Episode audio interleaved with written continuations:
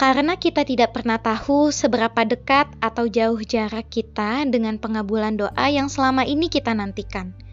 Namun coba bayangkan bahwa bisa jadi selama ini kita sudah begitu dekat dengan harapan yang selama ini kita panjatkan terhadap prestasi yang ingin kita raih, terhadap pekerjaan yang kita idamkan, terhadap jodoh dan keturunan yang selama ini kita nantikan. Tetapi semua itu kembali tertunda karena kita melakukan kesalahan fatal. Kita berkhianat terhadap Allah, kita bermaksiat kepadanya. Bayangkan kamu adalah orang yang memiliki uang yang banyak. Suatu ketika ada teman yang hendak meminjam uang padamu. Namun satu jam sebelum kalian bertemu, kamu melihat postingan Instagram temanmu penuh dengan gaya hedon yang tak karuan.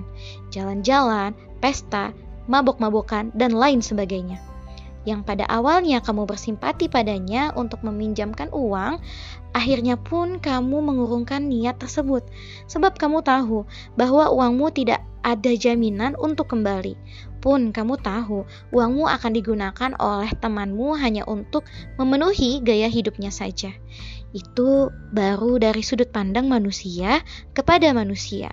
Lantas, bagaimana bila hal tersebut dilihat dari sudut pandang Allah kepada manusia?